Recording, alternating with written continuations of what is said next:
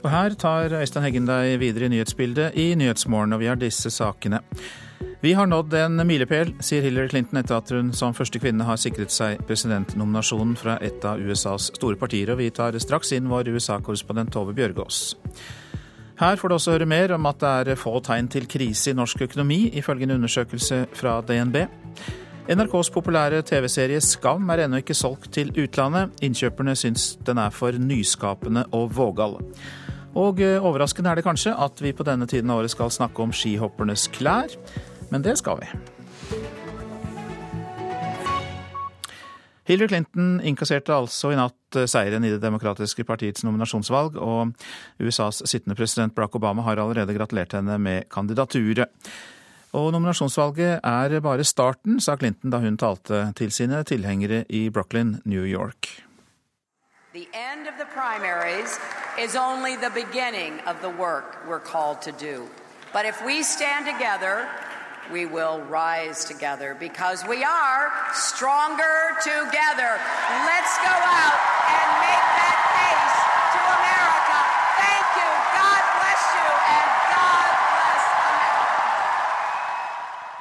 En begeistring til å ta og føle på der fra Hillary Clinton, som altså har sikret seg eh, presidentnominasjonen. Hun kaller det altså en milepæl. Og USA-korrespondent Tove Bjørgaas, eh, hvordan eh, preget dette historiske øyeblikket hennes tale i natt? Si litt mer om det det var en sterkt preget Hillary Clinton som kom ut på scenen i Brooklyn kledd i hvitt og var på gråten og holdt en av de beste talene jeg kan huske at hun noensinne har holdt. Hun blir jo ofte beskyldt for å være litt, litt stiv og, og, og, kunstig når hun snakker, men i, i, i natt så snakket hun om, om moren sin som, eh, som, vokste opp i fattige kår, og som hun så veldig gjerne skulle ønske kunne se at datteren hennes faktisk nå blir demokratenes presidentkandidat. Hun snakket om eh, glasstaket, men hun snakket også til Bernie Sanders sine mange tilhengere, og at hun ønsker å bygge bro nå over til dem. Men det var en veldig, veldig følelsesladd og sterk tale. Hvor viktig er det for henne at hun har flertallet av de valgte delegatene bak seg, og ikke blir avhengig av de såkalte superdelegatene på landsmøtet? Det er veldig viktig. Den nyheten kom eh, for ca. en halvtime siden. At hun altså nå har fått et så stort flertall av de demokratisk valgte delegatene at hun, at, at hun, hun da helt klart er eh, eh, kandidaten. Eh, og det som skjedde i går, at, at disse superdelegatene, at et flertall av dem faktisk sikret denne nominasjonen allerede i går, det var nøyaktig det motsatte av det Clinton-kampanjen ønsket. For hun blir jo beskrevet som en pamp, som en som partitoppene ønsker. Hun ønsker å være den kandidaten folket vil ha. og det er det hun nå må jobbe med, å vinne folkets tillit. Men hun eh, har møtt motstand fra Bernie Sanders. Han har jo bedt om et møte i Det hvite hus med president Barack Obama senere i dag. og Vet vi noe mer om hva han kommer til å si der, hvordan han kommer til å forholde seg til at Hillary Clinton har sikret seg nominasjonen i praksis?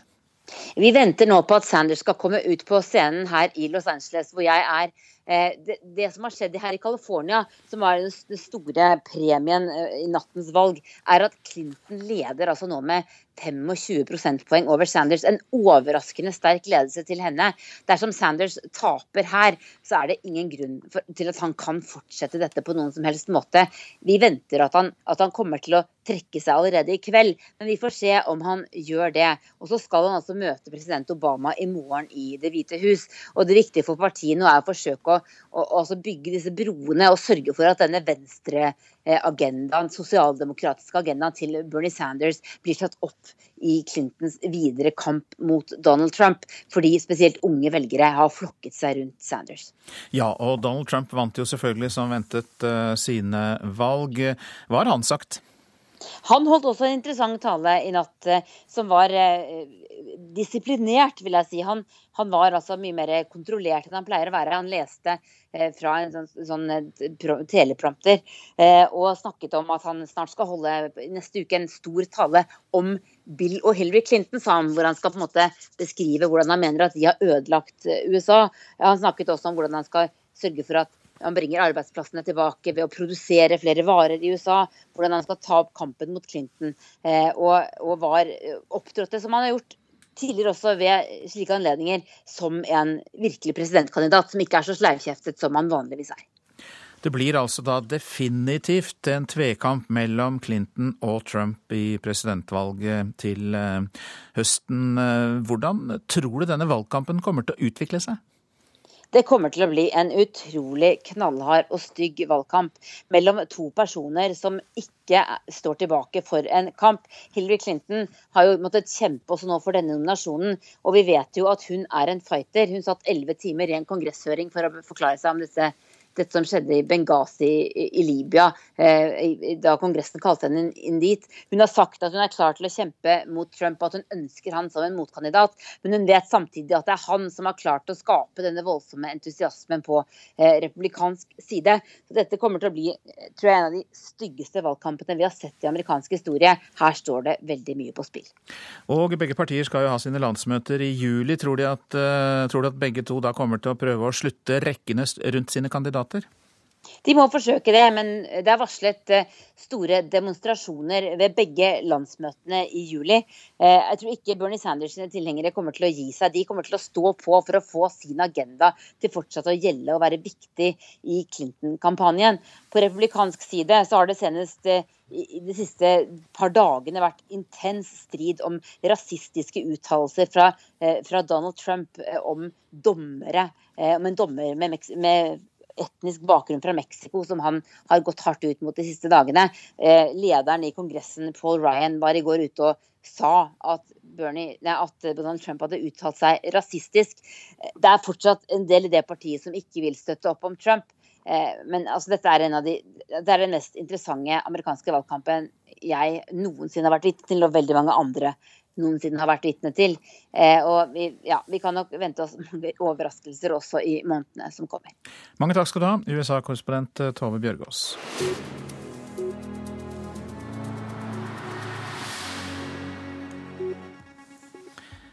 Hjem igjen til norske små og mellomstore bedrifter, for halvparten av dem eh, venter seg vekst de neste tolv månedene. Det viser en stor undersøkelse blant DNBs bedriftskunder.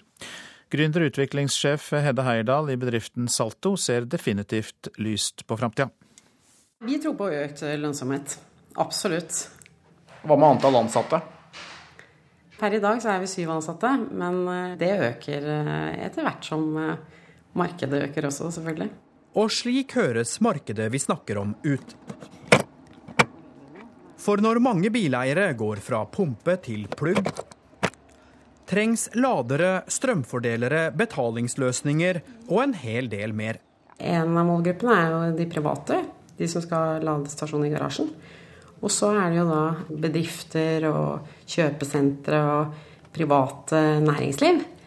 Eh, borettslag f.eks. er også i den kategorien. Litt større prosjekter. Og så har du offentlig, som er kommuner og statlige institusjoner. Nå skal man ikke underslå at nettopp Salto de siste årene har dratt rimelig god nytte av norsk elbilpolitikk. Men bedriften er absolutt ikke alene om å se lyst på framtida.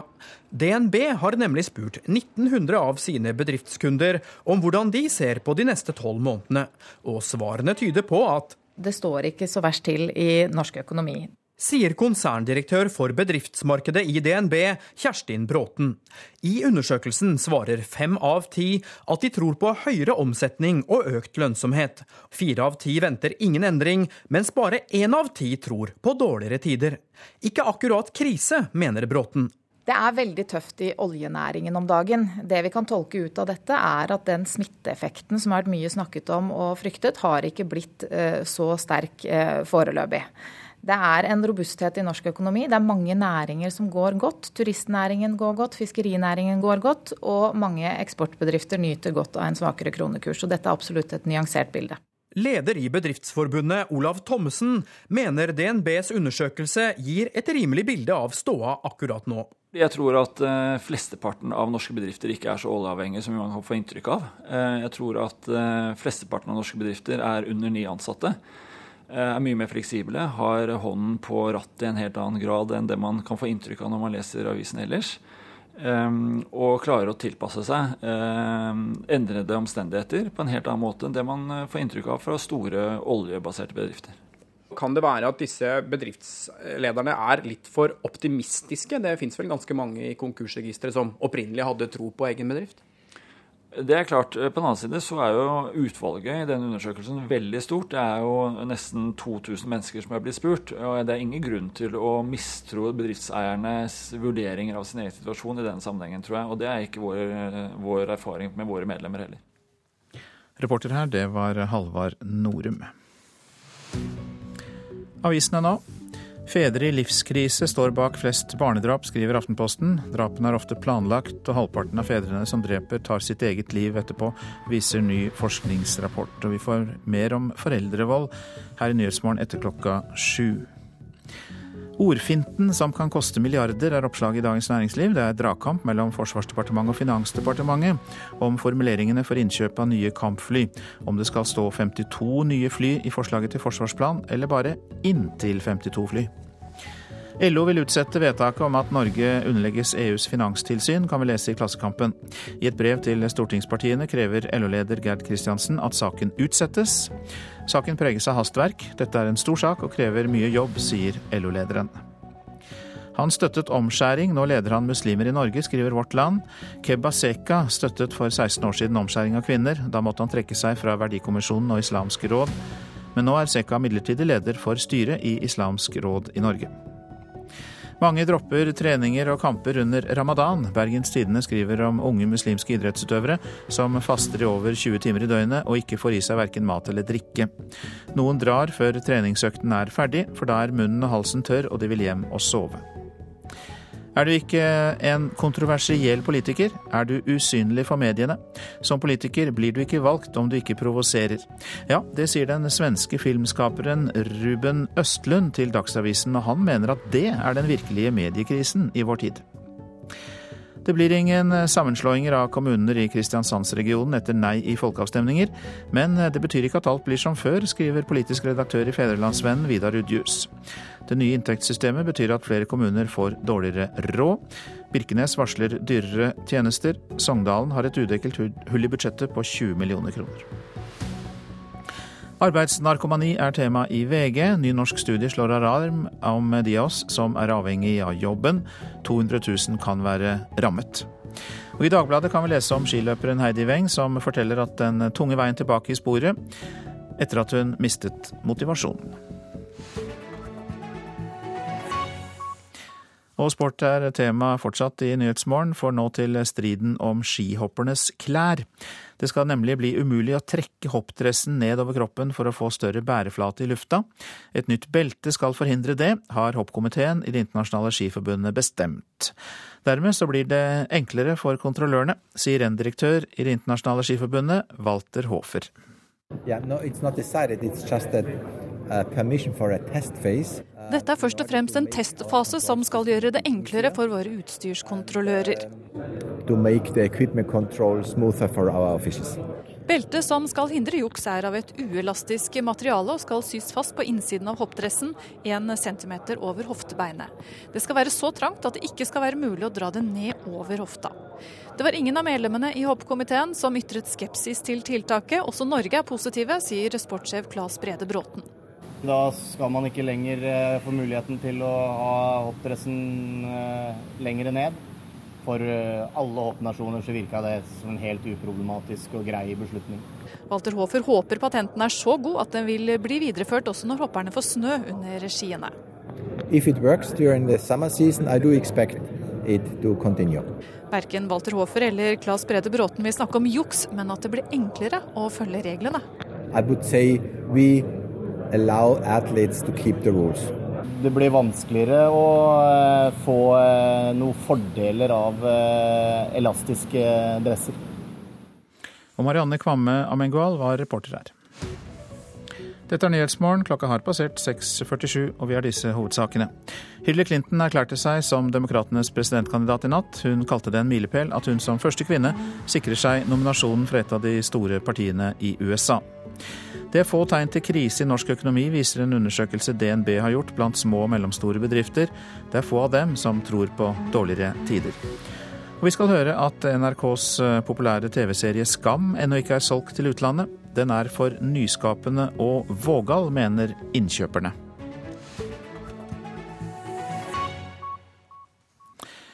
Men først om at det ikke bare er nykommere her til lands som trenger å lære seg språket. På Bredtvet i Oslo så går rundt 400 ungdommer på norskkurs for å klare seg på videregående skole, og av dem så er 80 norske statsborgere. Jeg kunne snakke norsk da jeg var liten, men uh, nå jeg kom tilbake, jeg glemte. Så jeg lærer på nytt. Aisha er født i Norge, men da hun var fem-seks år, flyttet hun med moren til Pakistan. Der ble de i mange år. Fordi foreldrene mine bestemte at eh, jeg, må, jeg måtte lære meg kulturen og altså språk og religion om religion, så derfor har vi flytta til Pakistan. Hun er en av ca. 400 ungdommer i Oslo som har gått på norskkurs det siste året. Et gratis tilbud til elever mellom 16 og 19 år som ikke behersker godt nok norsk til å følge ordinær undervisning på videregående. 20% av elevene på dette kurset er som Aisha, norske statsborgere, født i Norge, men med lange utenlandsopphold i barne- og ungdomsårene. De fleste av dem snakker somali, arabisk og urdu i familien. Det er jo tungt å lære et nytt språk, eh, men fellesnevneren for disse her er jo at de er unge. Og det er jo en fordel i, i språklæringssammenheng. Asbjørn Støvrud er leder i Oslo voksenopplæring.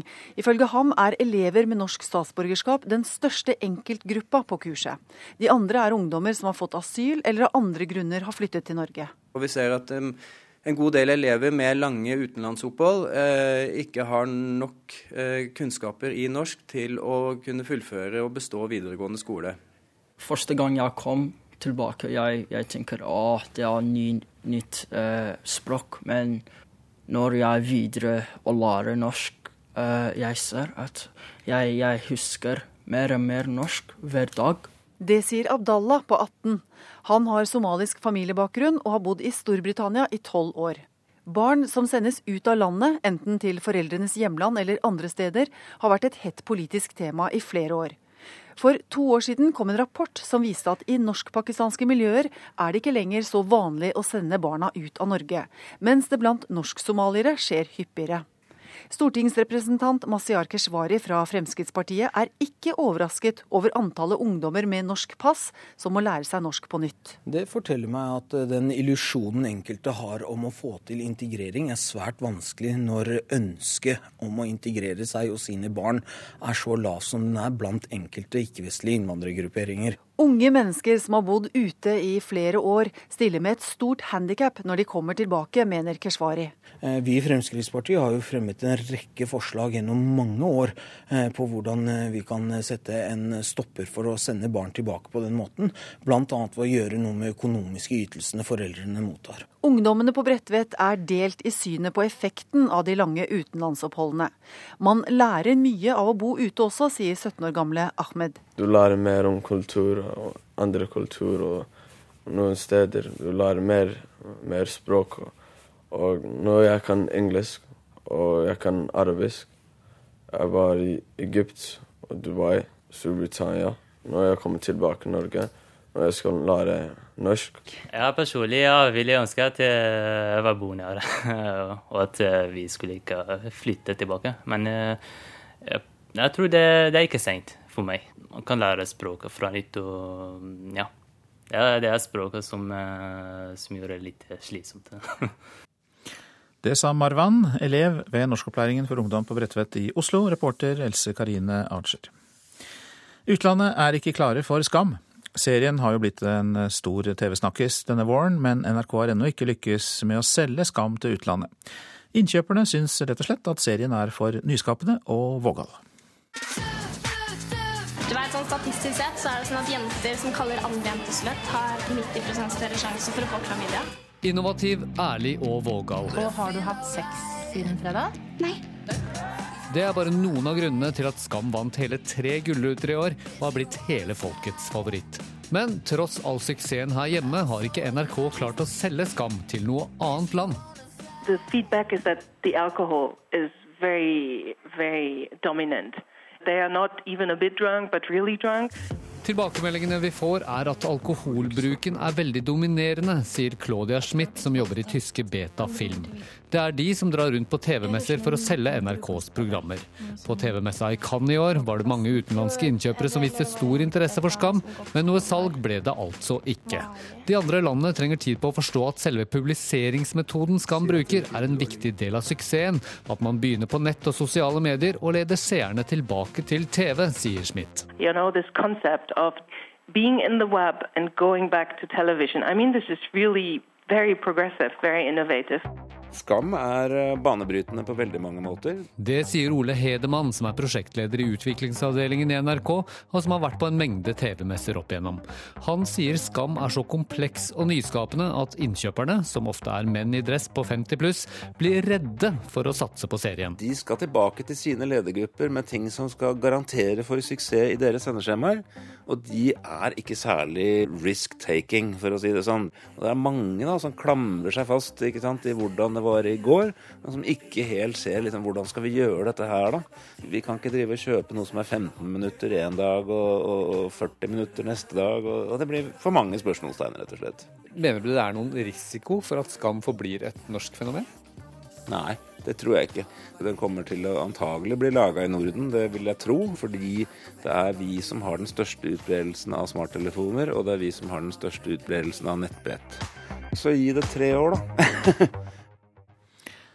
og eh, dette innslaget var laget av Petter Sommer. Nå til en spesiell form for vårrengjøring. For når Ishavskatedralen skal få rene vinduer for første gang på åtte år, så er det ikke bare bare. Derfor ble to klatrere fra Tromsø klatreklubb hentet inn. Torgeir Blesterdalen og Jørgen Myhr fra Tromsø klatreklubb gjør klar sikringstauet for å komme seg helt opp til det øverste inne i kirka. Alle glassflater skal vaskes, og de to har fått jobben. Og her er det høyt under taket, nesten 20 meter opp skal de.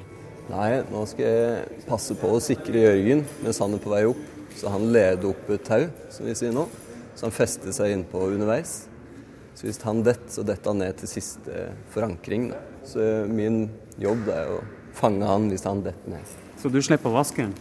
Eh, nei, det blir vel vasking etterpå. Vi skal opp og ordne. Nå setter vi et tau fast. da. Og så skal vi klatre på det oppover med vaskeutstyr og sånn etterpå. Du, jeg må spørre, Har dere noen gang vaska vinduet på denne måten? Nei. Nei, jeg har ikke det, vet du. Hva så... tenkte du når du ble spurt om det? Eh, nei, det er jo et artig oppdrag, det. Og jeg har aldri vært i Isakskatedralen før, så en fin måte å se den på. det er så tøft. Noe av det tøffeste jeg har sett der i kirka. Christian Paulsen er daglig leder i Ishavskatedralen. Han sier at det ikke var mulig å gjøre porten høy og døra vid nok til at de kunne få inn en lift. Dermed er den eneste muligheten for vindusvask i kirka på den akrobatiske måten. Nei, her er det klatring som gjelder akkurat nå. Vi burde ha en salme for det også, men jeg tror ikke vi har det. Men de får jo litt av noen arbeidsforhold. Her er det musikk i bakgrunnen, og kirka er jo åpen? Kirka er åpen nå hver dag fra ni på morgenen til sju på kvelden. Det er fullt av turister innom, det foregår konserter og masse øvelser og sånn. Så eh, det er en sakral stemning til vindusvasken. De har ikke vært vaska på åtte år. Det er kanskje på tide? Det er på tide. Eh, kirka ble jo totalrenovert for, eh, for åtte år siden, og vinduene ble bytta ut. Siden da så har vi ikke vaska dem. Jeg hadde ikke tort å gå opp dit alene. Jeg er glad det er klatrere med høydeerfaring som gjør det her. Kirka er åpen, og her er et tjuetalls turister. Men få, om noen, har lagt merke til klatreren som er på vei opp for å vaske. Kom og se. Kom og se. Ja, du må komme og se på de som klatrer. Du klarer jo ikke å se det, men det står altså en kar helt oppe øverst her. For han skal vaske vinduene. Der står han. Oi, mamma mia. Det så du ikke? Nei. Herregud, altså. Du må ikke si 'herregud' her. Nei, ikke sant. det ser rar, rart ut. Har du erfaring med å vaske vinduer? Han, han kommet seg langt opp. jeg gjør det nesten hver dag. Jeg Men ikke på den måten? Total renovering hjemme. Har du noen vasketips? Hvordan skal man vaske vinduene 15 meter opp? Med glede. man skal ta det som en trening. Ja, det får jo han gjort. Ja, ikke sant? Nei, det var uh, gøy det her. Det er veldig fint å, veldig fint å klatre opp på de bære, bærebjelkene. Jeg klatra mye ellers og mye klatrekurs og diverse, men lite, lite som det her. Lite kirke, i hvert fall. Mm. Ja, himmelske vindusvasker er nok en fin attraksjon i Ishavskatedralen. Reporter var Eskil Meren. Så var det værvarselet. Østafjells, fjell i Sør-Norge og Vestlandet sør for Stad ser vi samlet, og det blir pent vær kort og godt. Men ettermiddagsbyger i Agder og Telemark, og det kan bli perioder med stiv kuling langs kysten mellom Stad og Slåtterøy. Møre og Romsdal og Trøndelag byger. Om kvelden avtagende byggeaktivitet. I grensetraktene kan vinden komme opp i nordvestlig stiv kuling. Nord-Norge regnbyger, men minkende byggeaktivitet utover dagen. I fjellet kommer nedbøren som snø. Nordvestlig sterk kuling utsatte steder i Nordland og Troms, og nordlig liten kuling utsatte steder i Finnmark. Så går vi til Spitsbergen. Skyet eller delvis skyet, stort sett oppholdsvær. Om kvelden øker det til vestlig liten kuling på Spitsbergen og litt sludd eller snø i nordlige områder. Så tar vi for oss temperaturene, og disse ble målt klokka fem i natt. Svalbard lufthavn to grader, Kirkenes sju, Vardø og Alta seks. Tromsø Langnes og Bodø begge fem. Brønnøysund sju. Trondheim-Værnes og Molde seks grader. Bergen-Flesland ni. Stavanger ti. Kristiansand-Kjevik 16. Gardermoen og Lillehammer begge tolv grader. Røros 1 grad. Oslo-Blindern 13 grader. Og så legger vi til at Nyhetsmorgen etter klokka sju fortsetter med nominasjonsvalgene i USA. Vi har invitert USA-kjenner Hilde Restad hit for å kommentere nominasjonsvalget, sammen med vår korrespondent Tove Bjørgaas.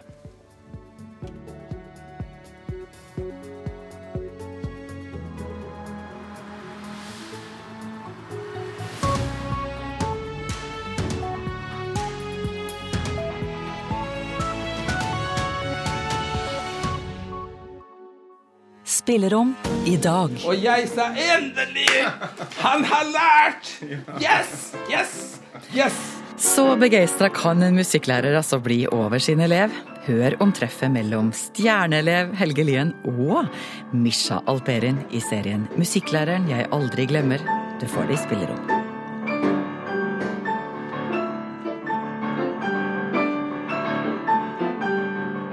Spillerom i dag klokken 11 på NRK P2.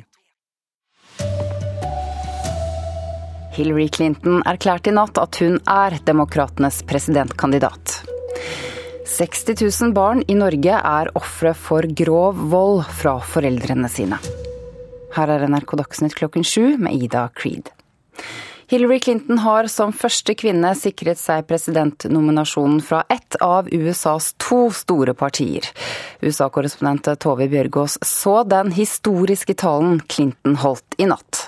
Det var en sterkt preget Hillary Clinton som kom ut på scenen i Brooklyn kledd i hvitt og var på gråten og holdt en av de beste talene jeg kan huske at hun noensinne har holdt. Hun blir jo ofte beskyldt for å være litt, litt stiv og, og, og, kunstig når hun snakker, men i, i, i natt så snakket hun om, om moren sin som, eh, som, vokste opp i fattige kår og som hun så veldig gjerne skulle ønske kunne se at datteren hennes faktisk nå blir demokratenes presidentkandidat.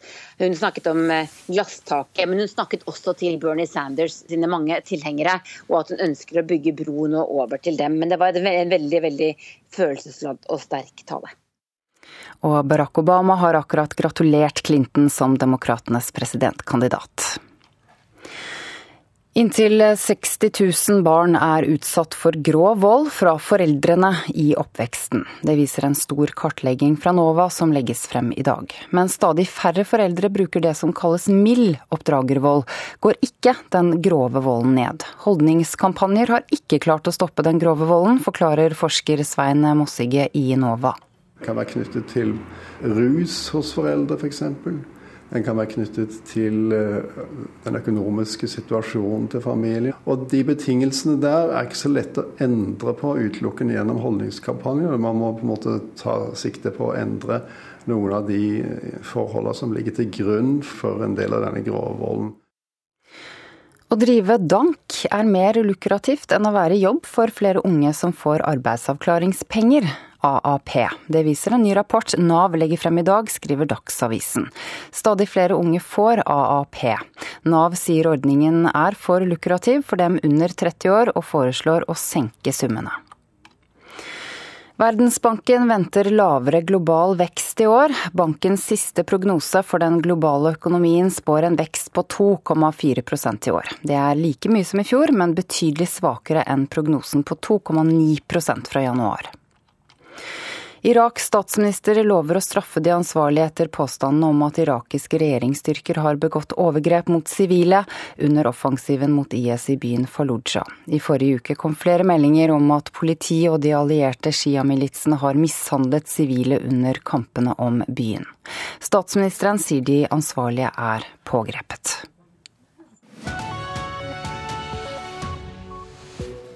Dette er Nyhetsmorgen, og velkommen hit, USA-kjenner Hilde Restad. Tusen takk. Nå blir det spennende. Nå blir det veldig spennende. Du skal kommentere nominasjonsvalget i USA sammen med vår korrespondent Tove Bjørgaas ganske snart. Andre saker i Nyhetsmorgen. Politihelikoptrene står mer på verksted enn de er i lufta. Beredskap er like dårlig som før 22.07, sier tidligere politileder. 60 000 barn er utsatt for eh, grov foreldrevold, viser kartlegging fra NOVA. Og dere må forhandle med de prorussiske separatistene. Det sier den ukrainske helikopterflygeren som satt i russisk fangenskap. Da er det ikke tvil lenger. Donald Trump møter Hillary Clinton i høstens presidentvalg. Begge har samlet nok støtte i sine partier.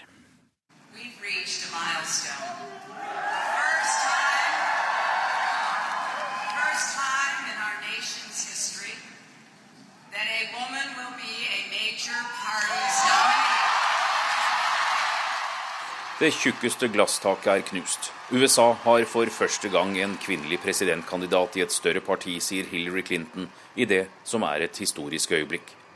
En halvtime før førstepremien California stengte valglokalene, slo hun fast det mediene meldte i går om at hun har flertallet av delegatene og nominasjonen i lomma. The end of the primaries is only the beginning of the work we're called to do. But if we stand together i et eh, velregissert opplegg med lansering av ny kampanjevideo og flere amerikanske flagg i bakgrunnen, sier Clinton at den viktigste kampen starter nå.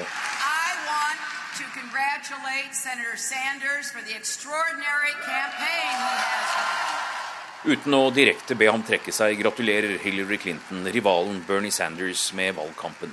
En kampanje som ifølge henne har vært god for partiet og landet. Hun strekker også ut en hånd til hans velgere. Now I know it never feels good to put your heart into a cause or a candidate you believe in and to come up short. I know that feeling well. Med referanse til da hun trakk seg i kampen mot Barack Obama på dagen for åtte år siden, sier 68-åringen at hun vet hvordan det er å støtte en kandidat og ikke komme i mål men oppfordrer Sanders velgere til å huske på hva som forener dem. Clinton har over tre millioner flere stemmer på landsbasis enn Sanders, og så retter hun skytset mot Donald Trump. Donald Trump Hans temperament er ikke egnet til å være president, gjentok hun om den omstridte forretningsmannen som blir hennes utfordrer til en av verdens mektigste jobber. My goal is always again to bring people together. But if I'm forced to fight for something I really care about, I will never ever back down, and our country will never ever back down. Donald Trump slo an en forsonende tone og sier på talerstolen fra golfklubben sin utenfor New York at han vil samle partiet, gjøre velgerne stolt og ikke skuffe noen. Now I'm going to fight for you, the American people. Han har vært den antatte presidentkandidaten, og i natt sikret han seg nok delegater som er forpliktet til å stemme på ham under landsmøtet i juli. 69-åringen takker for støtten etter å ha vunnet 37 delstater. This is not a testament to me, but a testament to all of the people who believed real change, not Obama change, but real change is possible. Donald Trump hadde en kort, stram, disiplinert tale lest opp fra teleprompter. Han inviterte også Sanders støttespillere over til seg, og spiller på det flere mener er en manipulert og ødelagt valgkampprosess. Who have been left out in the cold by a rigged system of superdelegates, we welcome you with open arms. I fire måneder har amerikanske velgere i tur og orden stemt fram republikanerne og demokratenes presidentkandidater. Valgkampen har vist at det er mye sinne, frustrasjon og raseri her i landet, og det kommer også til å være den største utfordringen framover for begge kandidater. Anders Tvegård, Los Angeles. En milepæl, det sier altså Hillary Clinton om at hun som første kvinne sikret seg presidentnominasjonen fra et av USAs store partier. Eh, her i studio, Hilde Restad, vi har allerede hilst og sagt velkommen. Og så har vi med oss deg fra USA, Tove Bjørgaas, vår korrespondent der. Og først eh, nettopp til USA og eh, Clintons tale. Hva preget den i natt? Et et enorm lettelse fra hennes side. Hun var rørt, hun var eh, følelsesladd. Hun var mye mer naturlig enn hun ofte er i disse talene.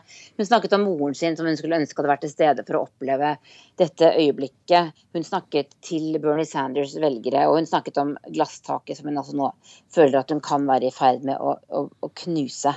Eh, dette er en veldig, veldig viktig kveld for en politiker som har kjempet som har vært politiker og jurist hele livet, men som har brukt hele sin karriere på å forsøke å komme til dette punktet. Ja, Var det mer jurist og mindre jurist og mer menneske, Hilde Restad? Ja, det kan du si. Det, Hillary Clinton har jo litt vanskelig for å slappe av og være seg sjøl, som veldig mange har påpekt, og som Tove påpekte her. Men når hun først gjør det, så er hun veldig, veldig god. Og det er klart at eh, det skal mye til for å nå nivået på den talen hun holdt i 2008, som veldig mange refererer til, da hun sa at hun hadde klart å knu, nesten knuse glasstaket med 18 millioner stemmer. Eh, men eh, det virker som talen i natt kanskje matcha.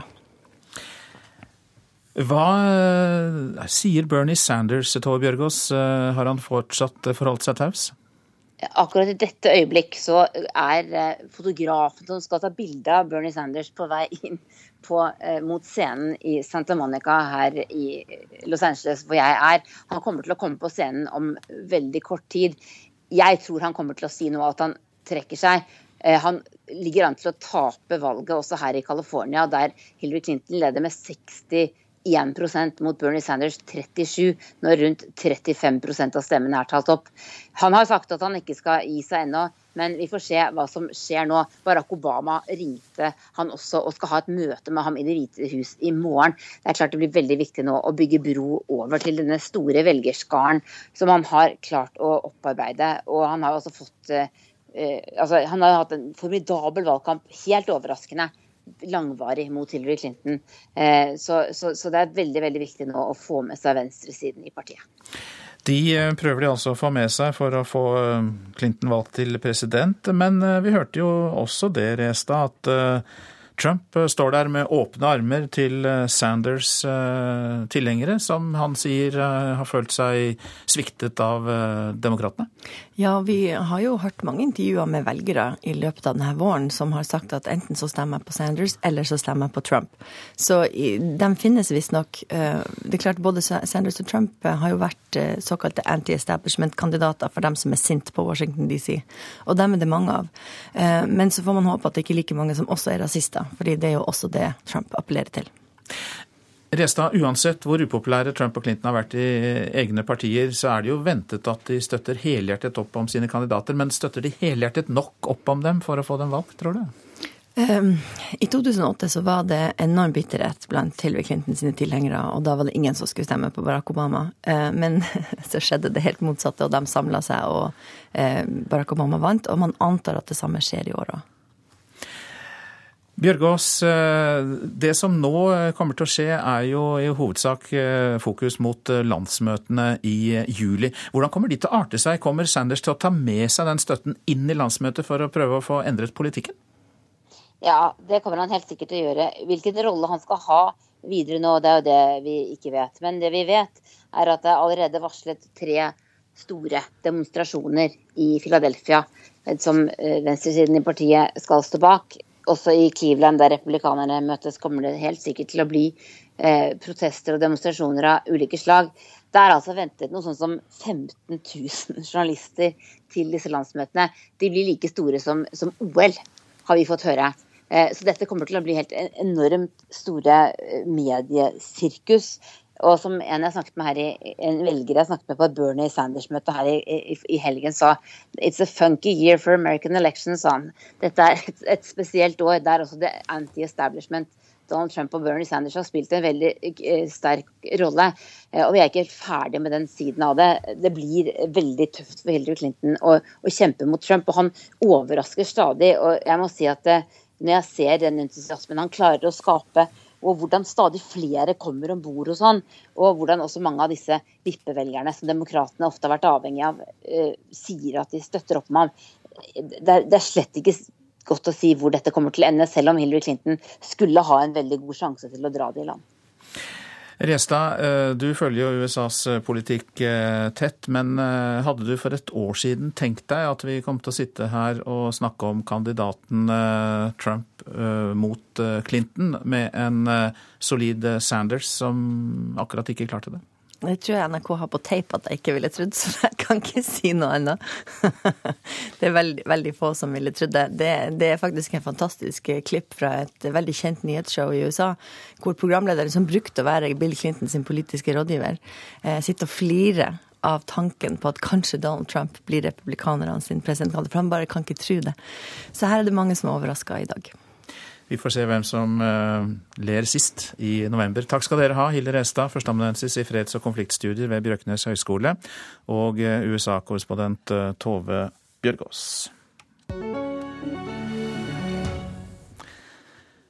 Norske politihelikoptre er mer på verksted enn i lufta.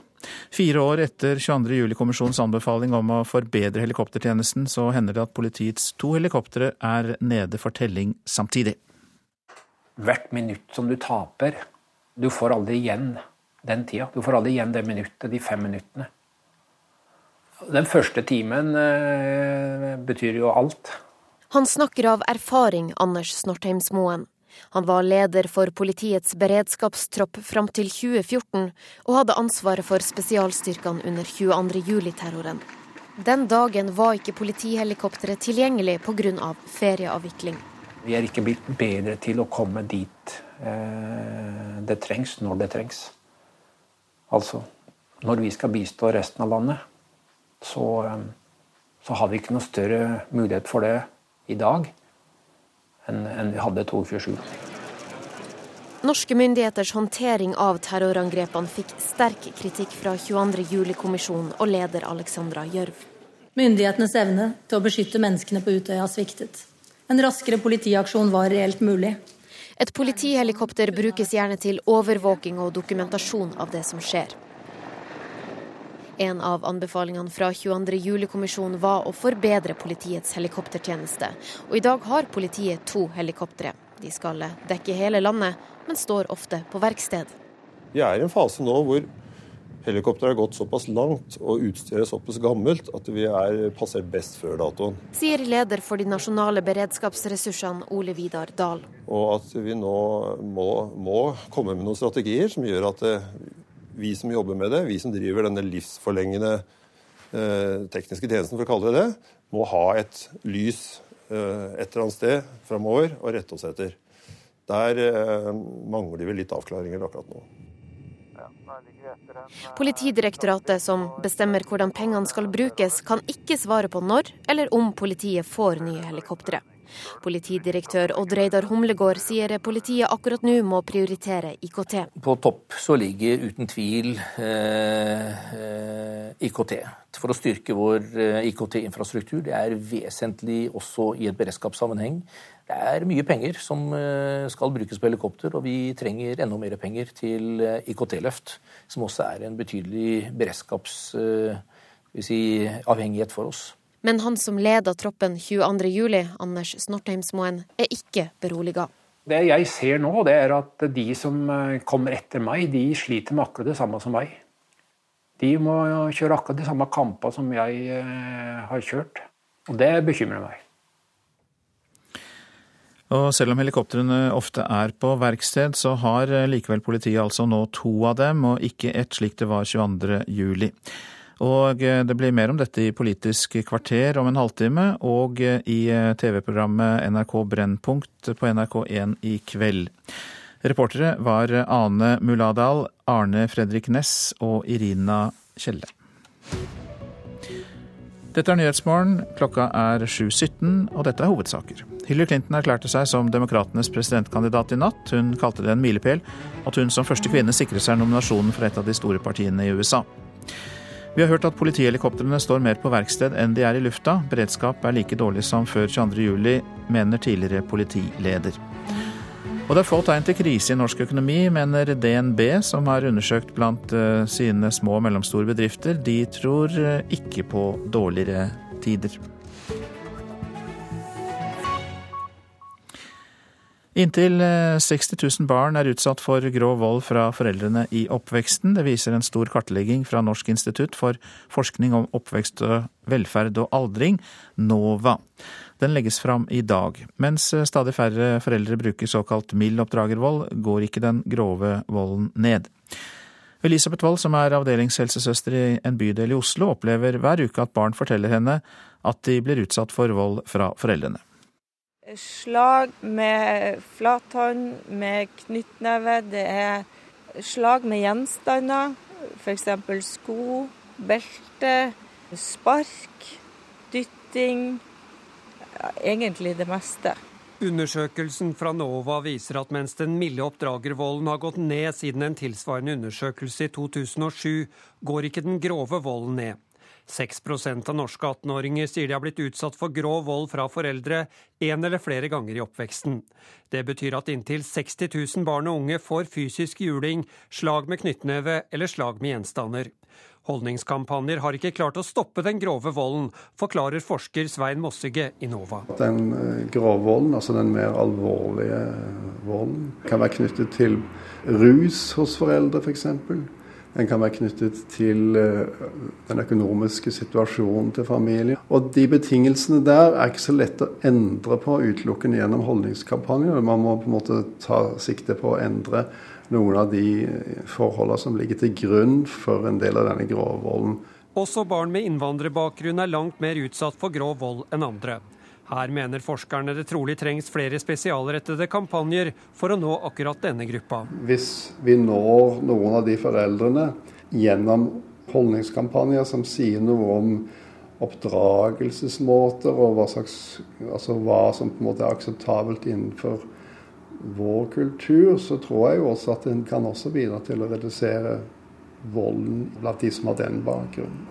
Forskerne tror ikke vi kan bli kvitt all vold mot barn.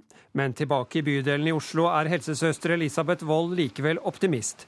Hun mener bl.a. det økte fokuset på problemet i skolen gjør at barn og unge er mer åpne om hva som skjer med dem. De vet at de ikke skal bli slått, og voksne lærer jo mer om det òg, så jeg har trua.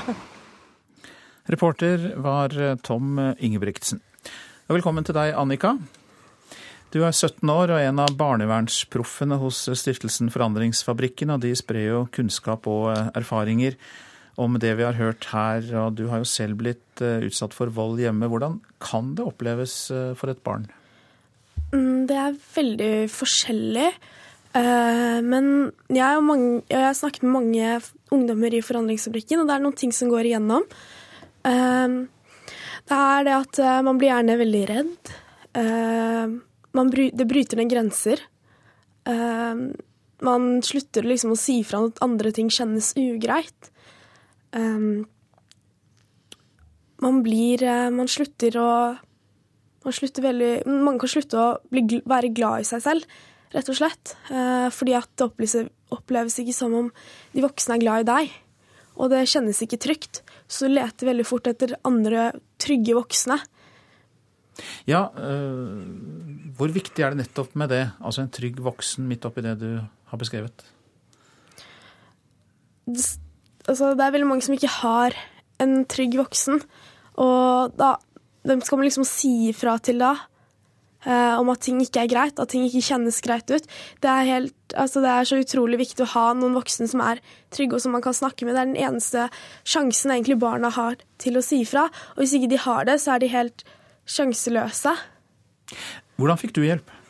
Um, jeg kom inn i barnevernet altfor seint. Uh, når jeg først kom inn i det systemet, så ble jeg flyttet. Uh, og så fikk jeg også hjelp fra psykisk helsevern. Hva er den riktige måten å flytte barn på? Mm.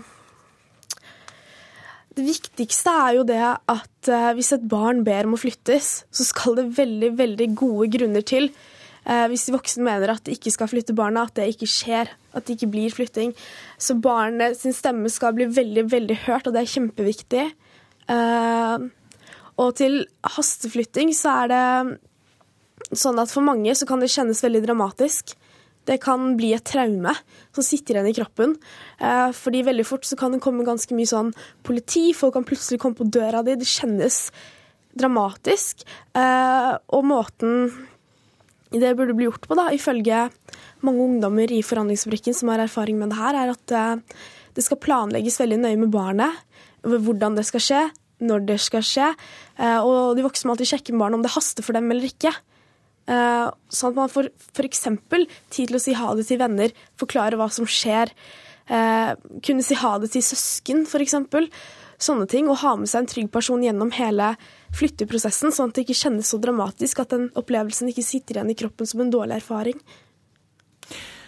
Takk skal du ha for disse interessante informasjonene og synspunktene fra deg, Annika, som altså er en av barnevernsproffene hos eh, stiftelsen Forandringsfabrikken. Så skal jeg si litt om det avisen er opptatt av i dag. Ordfinten som kan koste milliarder, er oppslaget i Dagens Næringsliv. Det er dragkamp mellom Forsvarsdepartementet og Finansdepartementet om formuleringene for innkjøp av nye kampfly. Om det skal stå 52 nye fly i forslaget til forsvarsplan, eller bare inntil 52 fly. LO vil utsette vedtaket om at Norge underlegges EUs finanstilsyn, kan vi lese i Klassekampen. I et brev til stortingspartiene krever LO-leder Gerd Kristiansen at saken utsettes. Den preges av hastverk, det er en stor sak og krever mye jobb, sier LO-lederen. Han støttet omskjæring, nå leder han Muslimer i Norge, skriver Vårt Land. Kebaseka støttet for 16 år siden omskjæring av kvinner. Da måtte han trekke seg fra Verdikommisjonen og Islamsk råd. Men nå er Seka midlertidig leder for styret i Islamsk råd i Norge. Mange dropper treninger og kamper under ramadan. Bergens Tidende skriver om unge muslimske idrettsutøvere som faster i over 20 timer i døgnet og ikke får i seg verken mat eller drikke. Noen drar før treningsøkten er ferdig, for da er munnen og halsen tørr og de vil hjem og sove. Er du ikke en kontroversiell politiker, er du usynlig for mediene. Som politiker blir du ikke valgt om du ikke provoserer. Det sier den svenske filmskaperen Ruben Østlund til Dagsavisen og han mener at det er den virkelige mediekrisen i vår tid. Det blir ingen sammenslåinger av kommuner i Kristiansandsregionen etter nei i folkeavstemninger, som vi vet, men det betyr ikke at alt blir som før, skriver politisk redaktør i Fedrelandsvennen Vidar Udjus. Det nye inntektssystemet betyr at flere kommuner får dårligere råd. Ordføreren i Birkenes varsler dyrere kommunale tjenester, og Sogndalen har et udekket hull i budsjettet på 20 millioner kroner. Arbeidsnarkomani er tema i VG. Ny norsk studie slår alarm om de av oss som er avhengig av jobben. 200 000 kan være rammet. Og I Dagbladet kan vi lese om skiløperen Heidi Weng, som forteller om den tunge veien tilbake i sporet etter at hun mistet motivasjonen.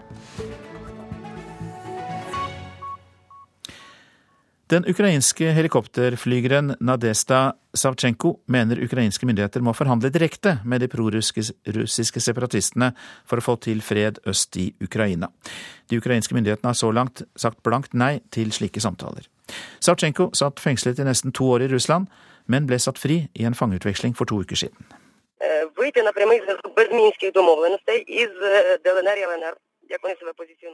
Det er i et intervju med den ukrainske radiokanalen Radio Era Nadezjda eller Nadia Savtsjenko kommer med den oppsiktsvekkende uttalelsen at hun er for direkte dialog med de prorussiske separatistene i de såkalte folkerepublikkene Luhansk og Danetsk.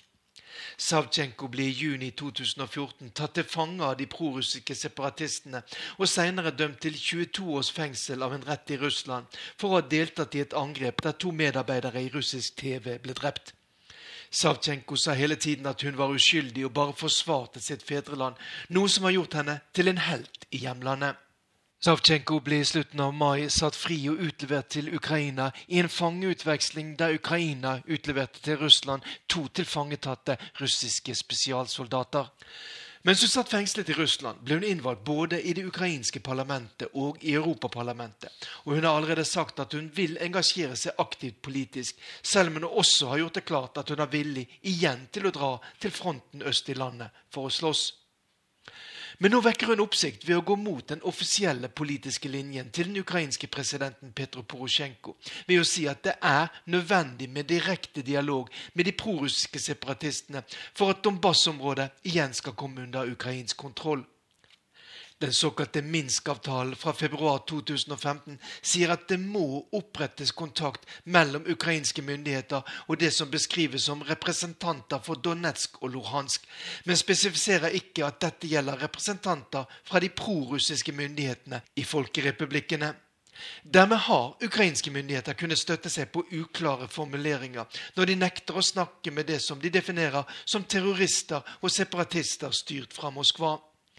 Men Nadia Savtsjenko, som gjennom sin standhaftige motstand mot russiske myndigheter i rettssalen nyter stor respekt også blant hardføre ukrainske nasjonalister, mener at man må opprette en dialog med separatistene for å få til fred øst i Ukraina. Раніс е, е, пан Захарченко не президент, президент України у нас тільки один. Savchenko sier i radiointervjuet at det ikke er snakk om å likestille den ukrainske presidenten med lederne for folkerepublikkene, men at det må finnes veier som gjør at man kan få til en dialog. Hvis Nadezjda Savchenko får fullmakt til å føre forhandlinger med oss, så er vi klar til å snakke med henne, sier leder for parlamentet i Folkerepublikken Donetsk, Dennis Pushilin, til nyhetsbyrået Interfax. Han sier at så langt har den dialogen som har skjedd i den såkalte trepartsgruppen i Minsk, vært helt håpløs, fordi ukrainske myndigheter har fraskrevet seg det ansvaret de har forpliktet seg til når det gjelder dialog med representanter for folkerepublikkene.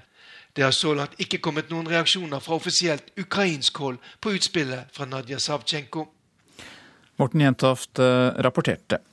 Produsent for Nyhetsmorgen, Katrine Nybø. Her i studio, Øystein Heggen. Og det blir debatt om helikopterberedskapen og om grensekontrollen til Norge i Politisk kvarter kvart på åtte.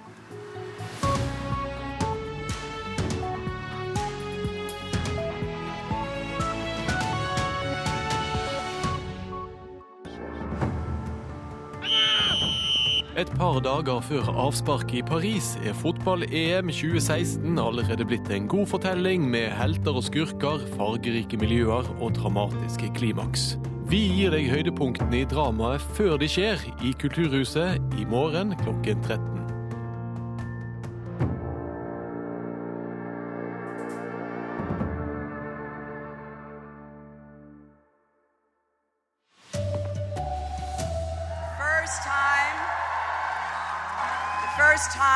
our nation's history that a woman will be a major party's nominee. Ja, Hillary Clinton ble historisk i natt. Aldri før har demokratene eller republikanerne hatt en kvinnelig presidentkandidat. Tidligere leder for beredskapstroppen advarer. Helikopterberedskapen er ikke bedret siden 22. juli-angrepene. 60 000 barn her i Norge er utsatt for grov vold fra foreldrene sine. Slag med gjenstander, f.eks. sko, belte, spark. Her er NRK Dagsnytt ved Ida Creed. Klokken er 7.30. For første gang skal en kvinne stille som presidentkandidat for et av de store partiene i USA. Det er klart etter at Hillary Clinton i natt sikret seg seieren i Det demokratiske partiets nominasjonsvalg. We've reached a milestone. The first time, the first time in our nation's history that a woman will be a major party's nominee. Det tjukkeste glasstaket er knust. USA har for første gang en kvinnelig presidentkandidat i et større parti, sier Hillary Clinton i det som er et historisk øyeblikk. En halvtime før førstepremien California stengte valglokalene, slo hun fast det mediene meldte i går om at hun har flertallet av delegatene og nominasjonen i lomma. The end of the primaries is only the beginning of the work we're called to. I et velregissert opplegg med lansering av ny kampanjevideo og flere amerikanske flagg i bakgrunnen, sier Clinton at den viktigste kampen starter nå. Og så retter hun skytset mot Donald Trump. Donald Trump is temperamentally president. Hans temperament er ikke egnet til å være president, gjentok hun om den omstridte forretningsmannen som blir hennes utfordrer til en av verdens mektigste jobber. My goal is always again to bring people together. But if I'm forced to fight for something I really care about, I will never ever back down. Donald Trump slo an en forsonende tone og sier på talerstolen fra golfklubben sin utenfor New York at han vil samle partiet, gjøre velgerne stolt og ikke skuffe noen. Now I'm going to fight for you, the American people. Han har vært den antatte presidentkandidaten, og i natt sikret han seg nok delegater som er forpliktet til å stemme på ham under landsmøtet i juli. 69-åringen takker for støtten etter å ha vunnet 37 delstater. Anders Tvegård, Los Angeles. USA-korrespondent Tove Bjørgaas, du så denne talen. Hvordan opplevde du det? Jeg vil si Det er en av de beste talene jeg har hørt Hillary Clinton holde. Hun var helt tydelig rørt og veldig preget av dette historiske øyeblikket. Hun blir ofte beskrevet som en stiv politiker som er litt utroverdig, men i natt så trodde hun virkelig på sitt eget budskap og, og var mer naturlig, og, og rakte også ut en, en, hånd til Bernie Sanders mange tilhengere. Så hva var Hillary Clintons eh, viktigste budskap i denne talen i natt? Hennes viktigste budskap var det samme som det har vært eh, tidligere. Hun vil kjempe for alle som vil stemme på henne, og for alle amerikanere, som hun sier. Hun snakket om Donald Trump som en politiker som ønsker ikke bare å bygge en mur mot Mexico, men også murer mellom grupper av amerikanere. Eh, og hun snakket om hvordan moren hennes alltid hadde arbeidet, kjempet for andre, og hvordan hun selv ønsket å være en som gjør det. Og det har hun jo også gjort i store deler av sitt liv. Hun er jo en politiker med et veldig sterkt engasjement for f.eks. kvinner og barn. Eh, så det var noe hun var opptatt av. Så venter vi da på at Bernie Sanders skal si noe. Hva tror du han kommer til å si? Han tapte så det sang eh, i valgene, de seks delstatene som er igjen i valgene her i natt. Han, eh, han har vunnet én delstat så langt, kan kanskje komme til å vinne to. Men her i California, som han hadde håpet å vinne, så ligger han nå 15 prosentpoeng bak eh, Hillary Clinton. Og jeg kan ikke tenke meg noe annet enn at han er nødt til å trekke seg nå. Han har ingen mulighet til å klare å sikre seg denne nominasjonen. Så vi venter nå at han skal komme ut og si at han trekker seg. Og president Obama ringte også Sanders tidligere i natt for å snakke med han, og de to skal ha et møte i Det hvite huset i morgen. Takk til deg, USA-korrespondent Tove Bjørgaas. Vi skal hjem igjen og høre at norske politihelikoptre er mer på verksted enn de er i lufta.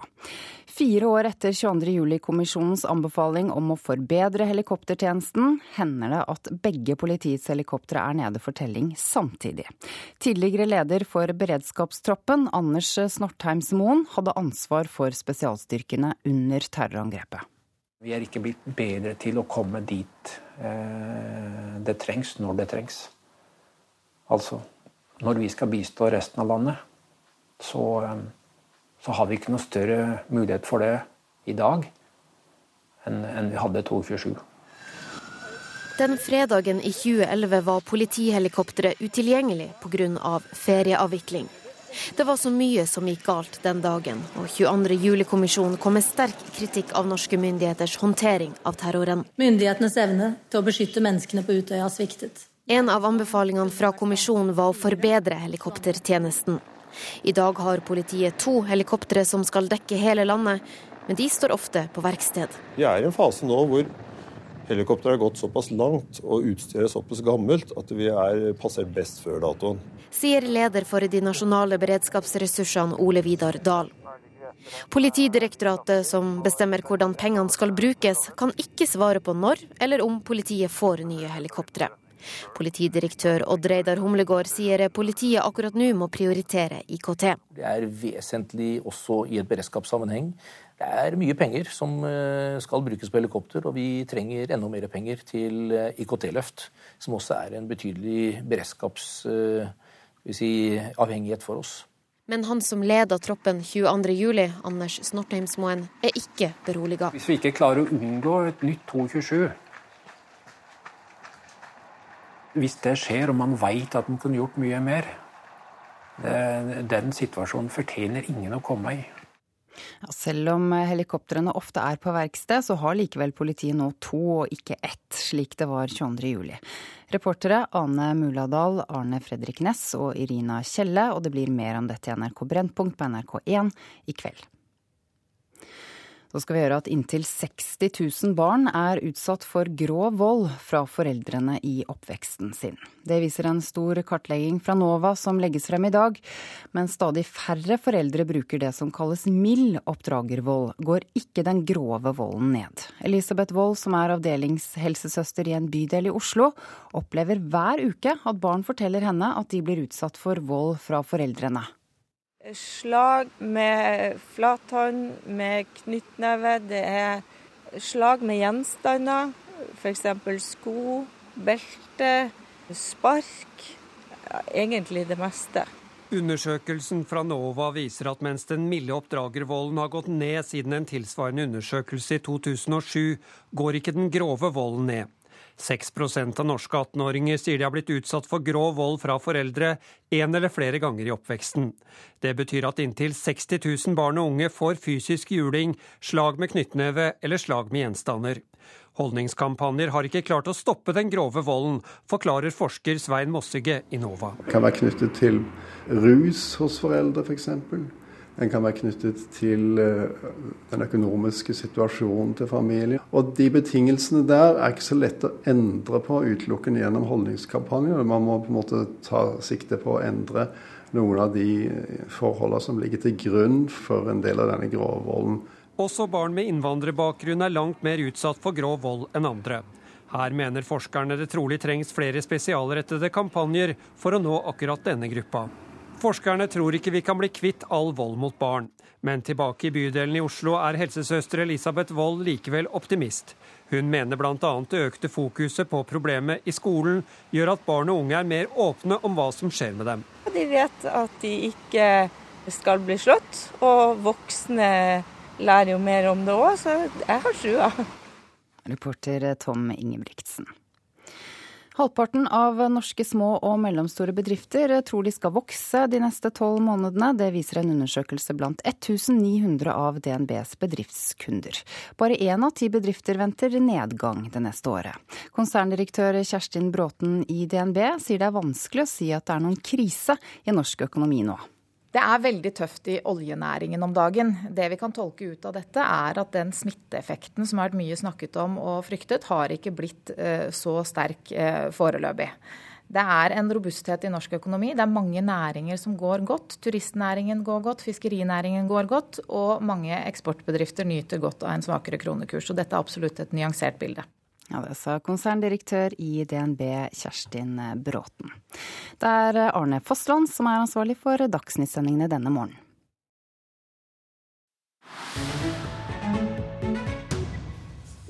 Nå til eh, California i Nyhetsmorgen, men ikke til nominasjonsvalget. Vi skal høre mer om at de siste fem årene har vært tørke i den amerikanske delstaten. Men tørken vil ta slutt en gang for alle dersom jeg blir president, sier Donald Trump. Joar Hoel Larsen har mer om vannmangelen i USAs mest folkerike stat. Seems it never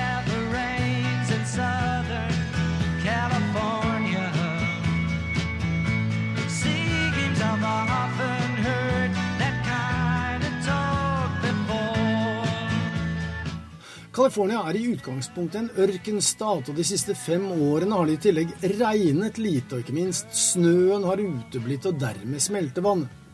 Likevel bor det rundt 40 millioner mennesker i USAs tredje største stat. En liten tredel større enn Fastlands-Norge, og de bruker vann som om det var uuttømmelige reserver. Hvilket de siste fem årene har vist at det ikke er. Men så, i mars, kunne meteorologene komme med en gladmelding. Hey, I've got some great news for California. The drought emergency has officially ended. Og vannet steg. Værpiloter kunne melde at de store vannreservoarene som Lake Orville i Nord-California, den som var så godt som tom i løpet av kort tid, var nesten full. Um, it's actually at 117% of historical average for this date. Men meteorologene advarte også. Det var litt det tidligste laget å juble. Now, this isn't to say that there's not still a significant drought problem going on because there is, but the numbers have gotten a whole lot better over the last couple of weeks. I think what you'll notice over the next few weeks is Vannkonflikten i California er gammel, kompleks og sammensatt, så det irriterte en rekke californiere at presidentkandidat Donald Trump mente dette var et helt hysterisk, tåpelig problem.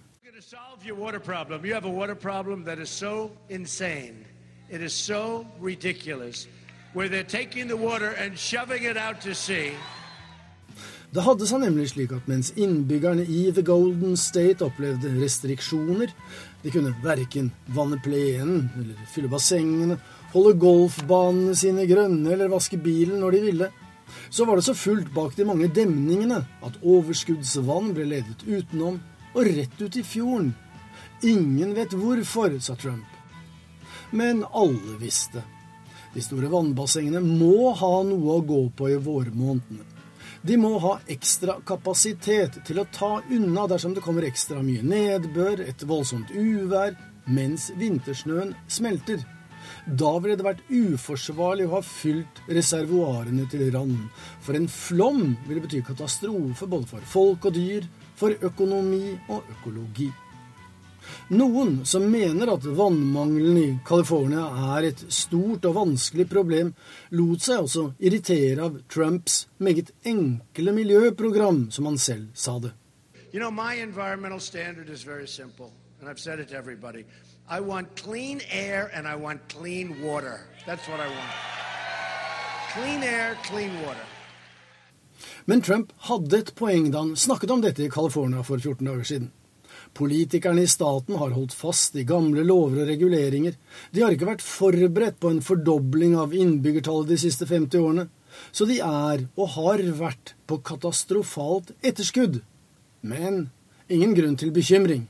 Dette vil løse seg, nokså enkelt, når Trump er på plass i Det hvite hus, forsikret han. But we're going to get it done, we're going to get it done quick. Don't even think about it. That's an easy one. Don't even think about it. Og dette er hovedsaken i Nyhetsmorgen. For første gang skal en kvinne stille som presidentkandidat for et av de store partiene i USA. Det er klart etter at Hillary Clinton i natt sikret seg seieren i Det demokratiske partiets nominasjonsvalg. Norske helikoptre, politihelikoptre er mer på verksted enn de er i lufta. 22.07-kommisjonen anbefalte å forbedre helikoptertjenesten, men det hender at begge politiets helikoptre er ute av drift samtidig. Inntil 60 000 barn blir utsatt for grov foreldrevold, viser en kartlegging fra forskningsinstituttet NOVA. Færre foreldre bruker det som kalles mild foreldrevold, men den grove volden går ikke ned. Det er Politisk kvarter nå, og det er Håvard Grønli som er programleder der.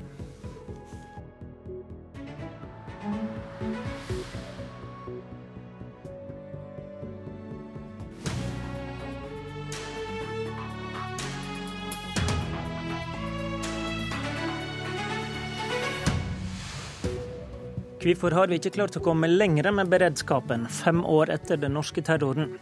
Både justisministeren og Arbeiderpartiet bør kunne svare for det. Hadde vi blitt mer trygge av mer permanent grensekontroll? Det mener Senterpartiet, som ikke forstår motstanden fra Frp. God morgen, Justispolitisk kvarter i dag. NRK Brennpunkt setter i dag fokus på beredskapen fem år etter 22. juli. På TV i kveld får du se om den kaotiske prosessen om å lage et eh, beredskapssenter. Og du har allerede hørt på radio om eh, politihelikoptrene våre. Vi er ikke blitt bedre til å komme dit det trengs når det trengs, sier den tidligere lederen for beredskapstroppen i politiet. Justisminister Anders Anundsen, god morgen. God morgen, god morgen. Mener du politihelikopterberedskapen vi har i dag er god nok? Ja, jeg mener den er veldig god, og den er vesentlig bedre enn den var 22.07.2011. Nå handler ikke beredskap bare om politihelikopter og beredskapssenter. Det handler om flere utrykningsenhetsmannskaper i politidistriktene. Det handler om 1000 flere politifolk. Det handler om alle de tiltakene som er gjennomført i oppfølgingen av Gjørv-kommisjonen og andre kommisjoners uh, rapporter. Men det handler også om politihelikopter og beredskapssenter. Politihelikoptrene våre er altså nå i en uh, situasjon hvor vi har mer oppetid enn det de noen gang har fått eller hatt tidligere. Når du hører uh, det i reportasjen her tidligere blir sagt at de er mer på verksted enn i lufta, så er det en omskriving av fakta. Det er nå nesten ikke teknisk nedetid, med unntak av tre måneder i vinter hvor det har vært noe mer teknisk nedetid enn det det har vært tidligere, fordi det ene helikopteret har vært på et langtidsvedlikehold i England. Så det bildet er rett og slett feil. Vi er bedre stilt nå enn noen gang før. Men når du har to politihelikopter, og det ene er på langtidsvedlikehold, så har du kanskje et beredskapsproblem, da? Ja, uansett så vil, jo, vil jo helikopteret måtte gjennomføre vedlikeholdsprogram, uavhengig av hvor gamle de er. Jo eldre de er, må de eh, oftere gjennomføre et sånt program. Men vi har altså nesten ikke teknisk nedetid i det hele tatt. Vi har nesten ikke nedetid pga. mannskapsmangel. Og vi har forbedra transportkapasiteten dramatisk gjennom at vi har halvert reaksjonstiden på Forsvarets transporthelikopter. Så det er direkte feil å hevde at det ikke er bedre nå enn det det var 22.7. I 22. juli-komiteen på Stortinget, der du uh, satt som uh, stortingspolitiker, viste du til at nedetida på politihelikoptre er større enn den faktiske operative beredskapen for helikopteret, og mente dette var i strid med Stortingets sine føresetnader. Er situasjonen i dag i tråd med føresetnadene fra Stortinget, da? Ja.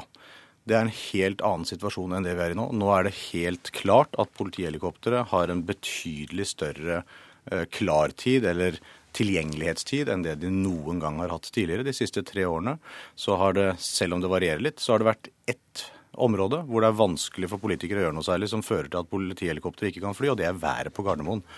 Når det gjelder det vi kan gjøre noe med politisk, det tekniske, mannskapene, så det, har det aldri vært bedre. Jan Bøhler fra Arbeiderpartiet, du satt i justiskomiteen i forrige periode, og du satt sammen med Anundsen i denne Stortingets 22. juli-komité, ja. der dere var brennende opptatt av å få til bedre beredskap. Ehm, det ene av eh, to politihelikopter er et gammelt helikopter som er leasa inn fra britene. Er det godt nok til å leve med framover? Det har jo vært et velfungerende helikopter, og det har jo hatt noe, de har jo no, noen reparasjoner som de har hatt på begge. og nå en, har vært noe i en lengre periode, skjønner jeg. Men eh, det har jo vært en bedre eh, beredskap for helikoptrene etter at vi fikk to stykker. at det var en eh, større trygghet for at i hvert fall ett fungerte hele tida. Og, og, jeg må jo legge til at vi har ikke lagt opp i Norge til at helikoptrene skal brukes til å transportere politimannskaper. Det er det, den beredskapen som militære helikoptre har. Den er jo skjerpet på Rygge, sånn at der har jo de nå en times utrykningstid. Og det er jo de som skal transportere hvis eh, den eh, deltatroppen, altså beredskapstroppen, skal eh, ut på lengre avstander i landet. Så er det de som innen en time skal være klare til å frakte beredskapstroppen. Og også eventuelt hvis Forsvaret skal inn, hvis det er tunge operasjoner på oljeplattformer eller sånn, så det, skal de også frakte spesialstyrkene. Mm. Pluss at redningshelikoptrene har fått en instruks som de fikk etter 22.07, som vi også behandlet i den komiteen du nevnte, hvor redningshelikoptrene, når det er skarpe situasjoner hvor politiet først må inn, skal prioritere å frakte politi. Mm. Og, og, der de er det jo nye helikopter eh, på vei. Og, der er det lagt opp til at de skal kunne transportere politi. Så dette sånn er godt nok, det altså? Nei, altså Transportdelen av, av politiet er eh, Hvis det skal eh, transporteres beredskapstroppen rundt i landet, så er det først og fremst via militærhelikoptre og via redningshelikoptrene. Det er ingen som har lagt opp til der å kjøpe så mange store nye helikoptre at de skal kunne transporteres på den måten. Og når det gjelder den, den, den operative bruken av politihelikoptrene til f.eks. å følge de som rømmer fra politiet på veien. Som, og følge dem med varmesøkende kamera, sånn, som jeg har sett de hang senest over Groruddalen nå på søndag. Så jeg sett, kan bekrefte at de er oppegående. De er der. De er der. At, den, men der er det også nå aktuelt å bruke droner i større grad. Som jeg så oppslag også i nyhetssendingen deres om at politi, politibiler skal utstyres med droner. Så det er mye som skjer her. og så det, det er ikke, det, Man skal ikke ta i for eh, hardt med å si at ikke noe har skjedd, altså, for da er man litt på bomtur. Helikopter, helikoptertjenester er meint å bli lokalisert på et nytt beredskapssenter, men det er ikke på plass. Og i kveld får vi se mer om den vanskelige veien fram mot et slikt beredskapssenter som skulle komme på Alnabru i Oslo. Anundsen, i en artikkel i ABC Nyheter i går gir du Arbeiderpartiet skylda for dette. Hvordan? Ja, på en måte. Men eh, det ble fatta en del vedtak eh, i 2012 som helt sikkert hadde gode intensjoner, men som var helt, basert på helt fullstendig feil premisser. Og utfordringen er jo at eh, beredskapssenter var jo ikke noe som dukka opp etter 22.7. Det var jo noe som dukka opp i 2008. Eh, og Hvis de prosessene som vi nå har satt i gang, hadde vært satt i gang i 2008, så ville vi kunnet åpne beredskapssenteret nå. Hva gjorde Ap feil? Det som var gjort feil, var at en valgte ei tomt som var for liten. En brukte et konsept som en ikke hadde kvalitetssikra overhodet. Og det var altså et dobbelt så mye kvadratmeter eh, behov enn det som eh, ble lagt til grunn av den forrige regjeringa. Men nå har du vi... vært statsråd i tre år. Nettopp. Og når vi tok over dette her, så gjorde vi to veldig viktige ting. Det ene var at vi fortsatte prosjekteringa på Alna fordi vi ikke skulle skulle ta på tid hvis det ble mulig å realisere et nasjonalt beredskapssenter der. Eh, det viste det seg at det ikke var. Men parallelt så kjørte vi en såkalt konseptvalgutredning, som er det som burde vært gjort fra den forrige regjeringas side også, for å finne ut hva er det beste konseptet og hvor bør det ligge.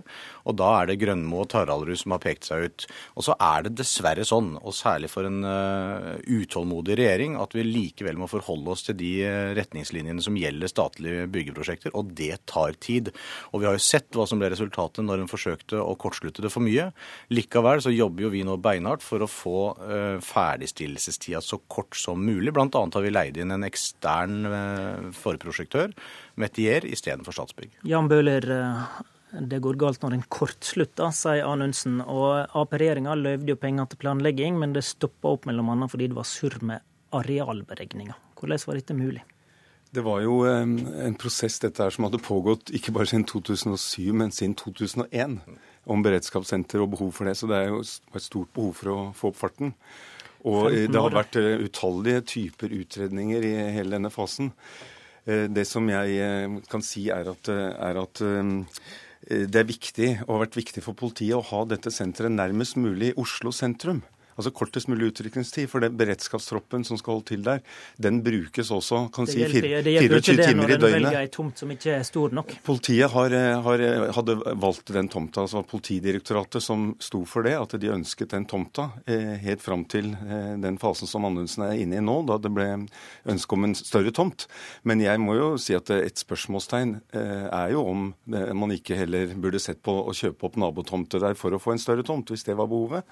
Men jeg har ikke ikke behov for å Jeg har behov for at det skal komme et beredskapssenter, og at det skal ha kort kjøretid inn mot Oslo sentrum. For det er utrykningstida som er, kan være avgjørende på halvminutt. Og dette er ikke bare når det skjer terror, dette er okay. i det daglige arbeidet mot skarp kriminalitet. Du kunne kjøpt opp nabotomter, Anundsen. Ja, Vi har vurdert en rekke forhold, men det er ikke bare den lille tomta som har vært problemet. Det er dårligere øvingsmuligheter, ikke utenby, eller utendørs skytebane, ikke Sibo-landsby. Alt dette ligger nå inn i det nye konseptet.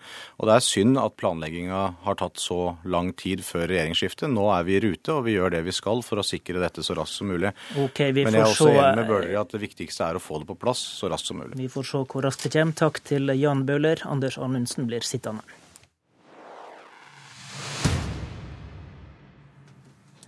Hvorfor i all verden vil ikke Frp innføre permanent grensekontroll når de er så opptatt av å innføre midlertidig grensekontroll når det er flyktningkrise? Det lurer Senterpartiet på, som har sitt forslag oppe i Stortinget i dag om at vi skal trekke oss ut av det Schengen-avtalen sier om grensekontroll, og innføre da våre egne permanente grensekontroller. Jenny Klinge, justispolitisk talsperson for Senterpartiet. Vi lurer på hvorfor skal vi ha permanent grensekontroll når det i lange perioder ikke er press mot grensene? Senterpartiet har jo vært mot eh, Schengen siden det ble eh, innført, og har i de åra siden 2000 da, cirka, eh, advart mot stadig økende mobil kriminalitet. Grenseoverskridende kriminalitet koster samfunnet mye. Og samtidig har også terrortrusselen øka. Eh, så vi har vært opptatt av grensekontroll uavhengig av asylstrømmen. Eh, men syns jo det er paradoksalt at de andre partier, inkludert Frp, som har ment at grensekontroll ikke var aktuelt eh, å innføre. Hva vil du ha da? Skal vi alle få kontrollert passet vårt på Svinesund?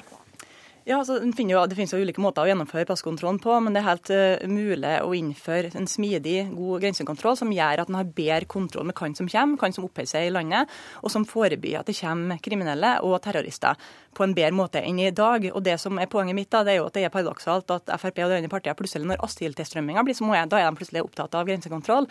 Men det er jo mange andre gode grunner til å innføre grensekontroll, uh, som vi i Senterpartiet har pekt på. Uh, og vi hadde håpa at Stortinget skulle være med på vårt forslag i dag i Stortinget om å innføre nasjonal grensekontroll og si opp eh, de grensebestemmelsene i Schengen-avtalen, men det får vi ikke med oss flertallet på. Slik ser det ut. Anundsen, om to dager vedtar Stortinget asylinnstramminga, og du er opptatt av kontroll med grensene i den sammenhengen. Hvorfor har vi ikke dette permanente systemet som Klinge skisserer? da? Jeg er opptatt av kontroll med grensene bestandig, og vi har jo grensekontroll. Det er bare det at det ikke er langs Norges yttergrense, det er langs Schengens yttergrense.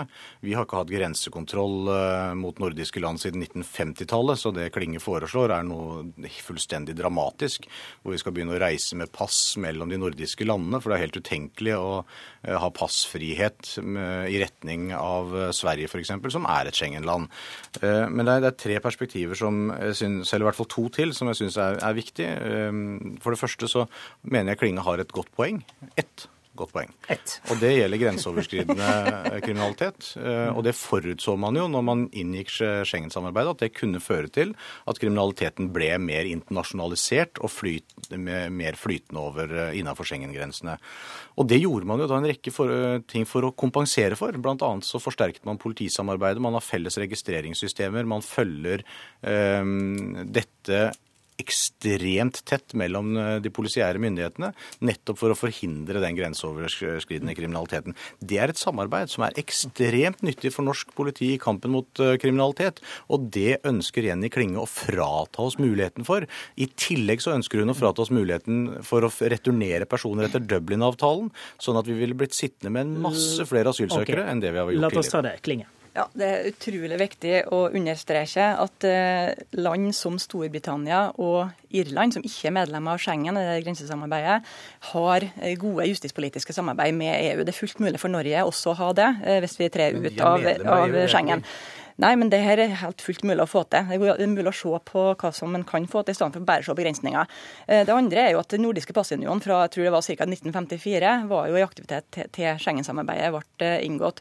Det som vi ser i flere eh, Schengen-land nå, det er jo at det er stor debatt om nettopp grensekontroll. Ja, vil, du, vil du kvitte deg med denne nordiske passunionen? Nei, det som vi har sagt i vårt forslag i Stortinget i dag, det er jo at vi ønsker at regjeringa skal inngå samtaler med de nordiske landene for å se på mulighetene for å inngå grensesamarbeid fra framover. Og Poenget er jo at yttergrensa til Schengen leker jo som en sil. Det er ikke rett som justisministeren sier at det her fungerer fordi at yttergrensekontrollen i Schengen er det som skal ta eh, grensekontrollen vår. Så lenge som folk strømmer over grensene der uten kontroll, så har de jo også fritt leide inn til Norge. Anundsen. Så lenge som ikke har nasjonal grensekontroll. Og Det er ingen tvil om at Schengen yttergrense ikke fungerer som den skal. og Det betyr at fremtida til Schengen er usikker. Det er det ingen tvil om. Men alternativet som eh, Jenny Klinge presenterer i dag, er altså veldig, veldig mye mer usikkert. Eh, for det er rett og slett ikke mulig å få til en nordisk passunion så lenge vi har Schengen. Når Sverige og Danmark er medlem av Schengen, så vil det være deres forpliktelse etter Schengen-avtale å ha grensekontroll mellom Norge og de landene. Så, så det, jeg syns det er litt sånn useriøst rett og slett å si at vi må bare bli enige eller finne en løsning på dette. For det okay. er altså inngått avtaler som gjør at ikke det er mulig å finne løsninger Takk på det. Takk til Anders Anundsen og Jenny Klinge i Senterpartiet. I studio, Håvard Grønli.